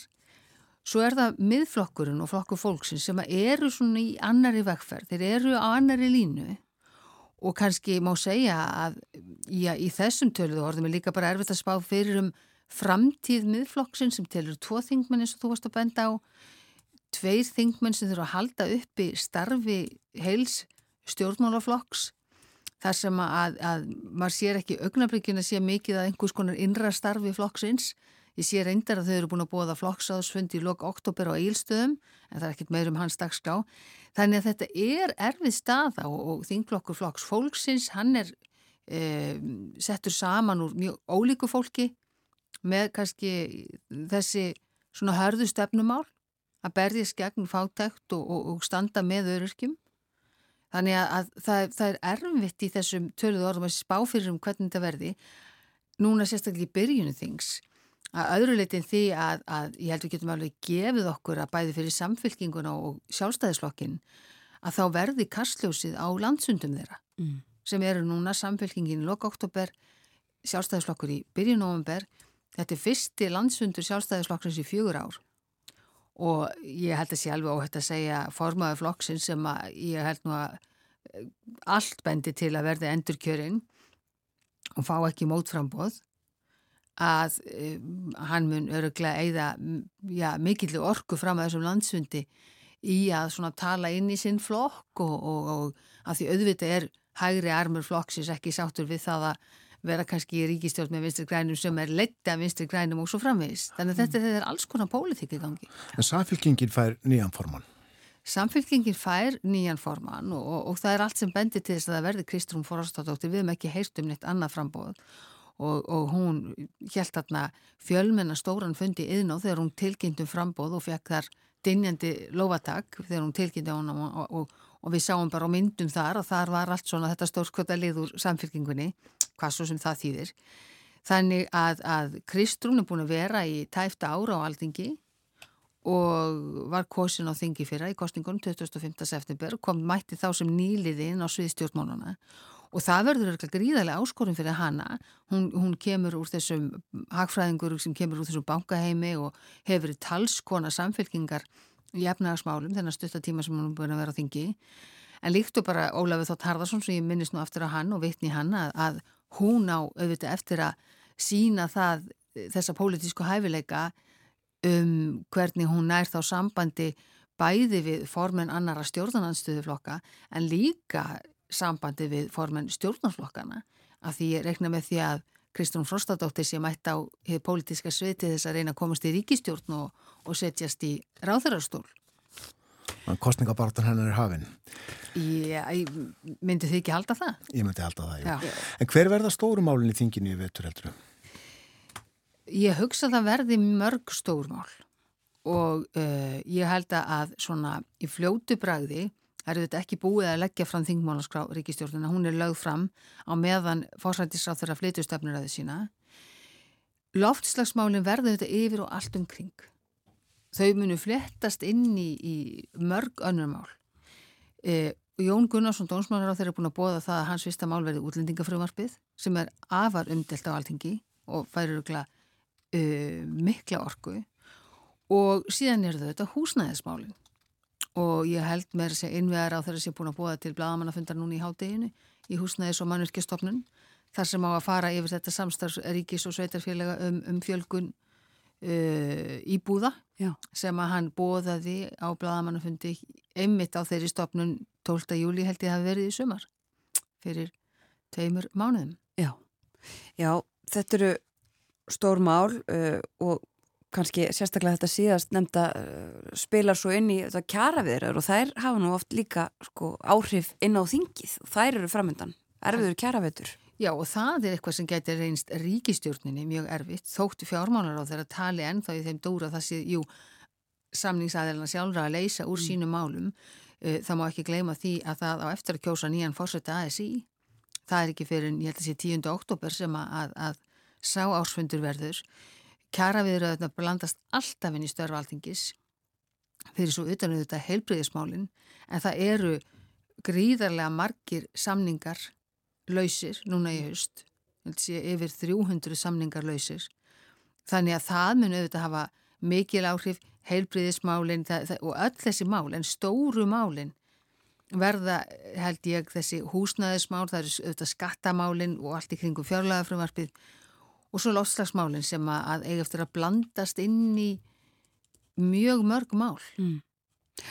Þú nefndi Jón Gunnarsson, dósmálar á þeirra, um, liggur ekki fyrir eða það var allavega rætt um það svona í, í upphafi þessu kjörtjömbilis að hann myndi svo vikja úr ríkistjórninni og það kemur nýr ráþara hjá sjálfstæðarfloknum.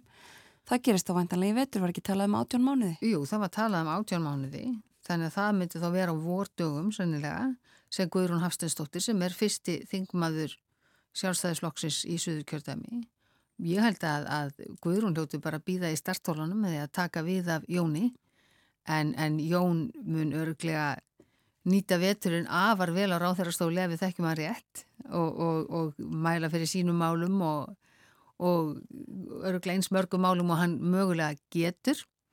Uh, þetta útlendingafrömmarstu því hefur nú gert afar góð skil hér í þessum þætti og hafi fjallað um frá ólíkum hliðum en eh, þingumræðan gæti reynst afar þung og í talningum síðan vinnan sem mun fara fram inn í nefndunum eftir, að, eftir fyrstu umræðum um þetta mál. Já. Svo er að vera til síslumadur í Íslands, gangi hugmyndir Jóns eftir. Já, hann bóðar allavega frumvarp um, um að samina öll síslumarsembætti í eitt. Mm -hmm. Nú veit ég ekki, ég sá nú bara einhverja fyrirsögn í bladi í gæri eða um daginn að það veri hugmyndir um að það embætti væri á Húsavík. E, ég veit nú ekki hvort að það e, sé e, hugarfóstur einhvers eða óskegja eða e, ef við törum svona bara fyrir hérna, stjórnsísluna og höfuborgina þá væri það hann búið að flytja síslumann í Kópavóg mm -hmm. sem er svona miðja höfuborgarsvæðisins en ég hugsa getur nú flægt hlutina ansi mikið ef fólk þarf að fara eftir nýju aukskistinu og nýju vegabrifi til Húsavíkur með allir virðingu fyrir Húsavík Já, þetta getur verið annar mál líka sem að uh, sem að verður uh, umdelt í þinginu. Já og, og eflust þessi mál eins og staða sveitarfélagana. Nú er innveðar á þeirra að bóða þessar, þessar gríðarlega fjölgun íbúða og byggingu íbúða. Sveitarfélagin hafa kvarta mikið síðustu misserinn. E, nú er komið nýrformaður sambandsísleika sveitarfélaga sem er varaformaður samfélkingarna sem er nú kannski næsta mál sem þetta velta fyrir sér. Hún hefur líst í yfir, hún ætla að halda áfram að vera varaformaður. E, ég held að hljóta að vera viðbúið að hún fá einhver mótframbóð. En einmitt staða sveitarfélagana mun öruglega koma tölverst til umræðu inn á alþingi vegna þess að, að, að sveitarfélagin ég fara fram á í rauninni aukna styrki frá ríkisvaldinu á meðan stjórnvöld segja, heyrðu, við dælum fjármagnir til sveitafélagana sem nýtist ekki nógu vel og svo framviðis. Mm -hmm. Já, einmitt, viðbúið að þessi mál verði ábyrjandi vetur mörg sveitafélag sem að berjast í bökum. Já, já. já. Einmitt það. Þing voru sett á eftir klukkan uh, hálf tvö, ekki sett? Jú, það er sérst þessi Guðstjónusta sem er í domkirkjunni klukkan hálf tvö og henni er útvarpað á rás eitt og síðan svona réttur í tvö þá uh, saminist við í útsendingu sjómarpið og rása eitt. Og það er raunnið um leið og guðstjónustu líkur þegar þingmenn ganga aftur yfir í aldingishúsið og, og þá tekur við þessi eins og við vorum að segja þessi hefðbundna dagskrá með, með söng og, og fleiru og, og fórsætti aldingis fleitumminningar orðum látna þingmenn. En það er síðan Guðni Tjá Jóhannesson fórsætti Ísland sem, a, sem að setur formlega þingið og það er nú, og, og þá flytur hann þetta þingsetningar ávarp. Og það er í rauninni alltaf e, hvað ég var að segja það er alltaf ákveðin eftirvendi að vita hvað e, fórsetin segir. Það verður náttúrulega að segja að það er svo era þau 20 ár sem að Ólafur Ragnar Grímsson var fórseti Íslands þá, þá tókst honum mjög ofta að eh, segja einhverja hluti sem að særðu einhverja og, og, og við minnumst þessu nú þegar að þingmenn ströðsuðu út undan ávarfi fórsetta Íslands.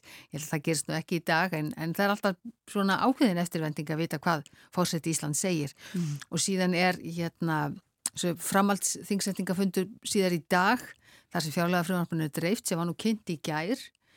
Og síðan er, er hluta til um sæti þingmanna Þannig að þetta og síðan er það stefnir aðeins annað kvöld og svo á fymtudaginn þá mælir fjármálur á þeirra fyrir frá og það er rætt svo á fymtudag og fyrstudag á alþingi og fer síðan til umfjöllunar í fjárlega nefnd. Já. Og þingfundir flesta daga í september en uh, í byrjun óttúber þá eru er kjördamadagar. Það eru kjördamadagar, þá flekkist þingmenn í kjördamin og Reykjavík þingmennin þeir, þeir eru verða vonandi bara í Reykjavík að sinna sínum, sínum kjósundum. Já. Þú hefur uh, verið þingfréttamaður út af sinns uh, sjómas uh, lengi, lengi, lengi en það er aðeins að breytast. Þú ætla bara að vera með annaðaugað á pólitíkinni vettur. Já, annaðaugað á, á þinginu og uh, hitt svona stórum álánum í pólitíkinni, þar sem er af nóga að taka og ég segi þá, ef við hafum sagt ofta á þessum vettvangi, að, að mér finnst að alþingi, þessi lögjafar samkoma, mér finnst bara hún eigi að njóta meiri virðingar í samfélaginu og, og almennt svona hvernig fólk talar um þingið. Þetta er í rauninu okkar líðræðislegi vettvangur til þess að nýta okkar líðræðislega réttar að segja að geta kosið til alþingis sem er bara ég ekkur mikilvægast er réttu hvers borgar geta haft áhrif á það hvernig samfélagið er, hvernig samfélaginu er stjórnað og, og inn á alþingi veljast 63 einstaklingar sem eru kostnir af þjóðinni. Þeir eru allir jafnbréttáir hvort þeir sitja í ríkistjórn eða stjórnarandstöðu hvort þeir eru í tveggjamanna þinglokki eða 17 manna. Og ég við eigum bara að beina kastljósi okkar að störfum þeirra sem þanga veljast inn fylgjast með þeim sjá hvað þeir gera tala um það sem er þeir gera vel en líka hitt sem ætti gera betur. Tökum þessi orð með okkur inn í daginn og þing veturinn kærar þakki fyrir að koma til okkar Jóhanna Veitis Hjaltadóttir. Takk sem ég leiðis Og við ljúkum morgunvaktinni þannan morgunin á uh, því að hlusta á þingmanna gælu Bubba Mortens. Þingsetning uh, hefst með uh, Guðstjónustu í Domkirkjunni klukkan hálf tvö í dag og svo fer þetta alltaf stað eins og Jóhanna Veitis Hjaltadóttir sað okkur frá. Við þakkum samfélgina í dag, bjóðum aftur góðan dag kl. 10.07 í fyrramálið. Verðið sæl.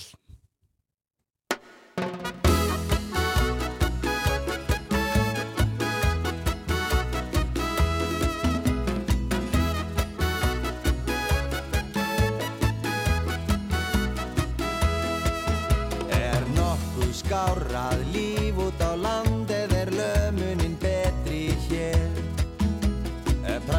hægt að sjúa mjókur sand er hægt að synda í frjósandi hver.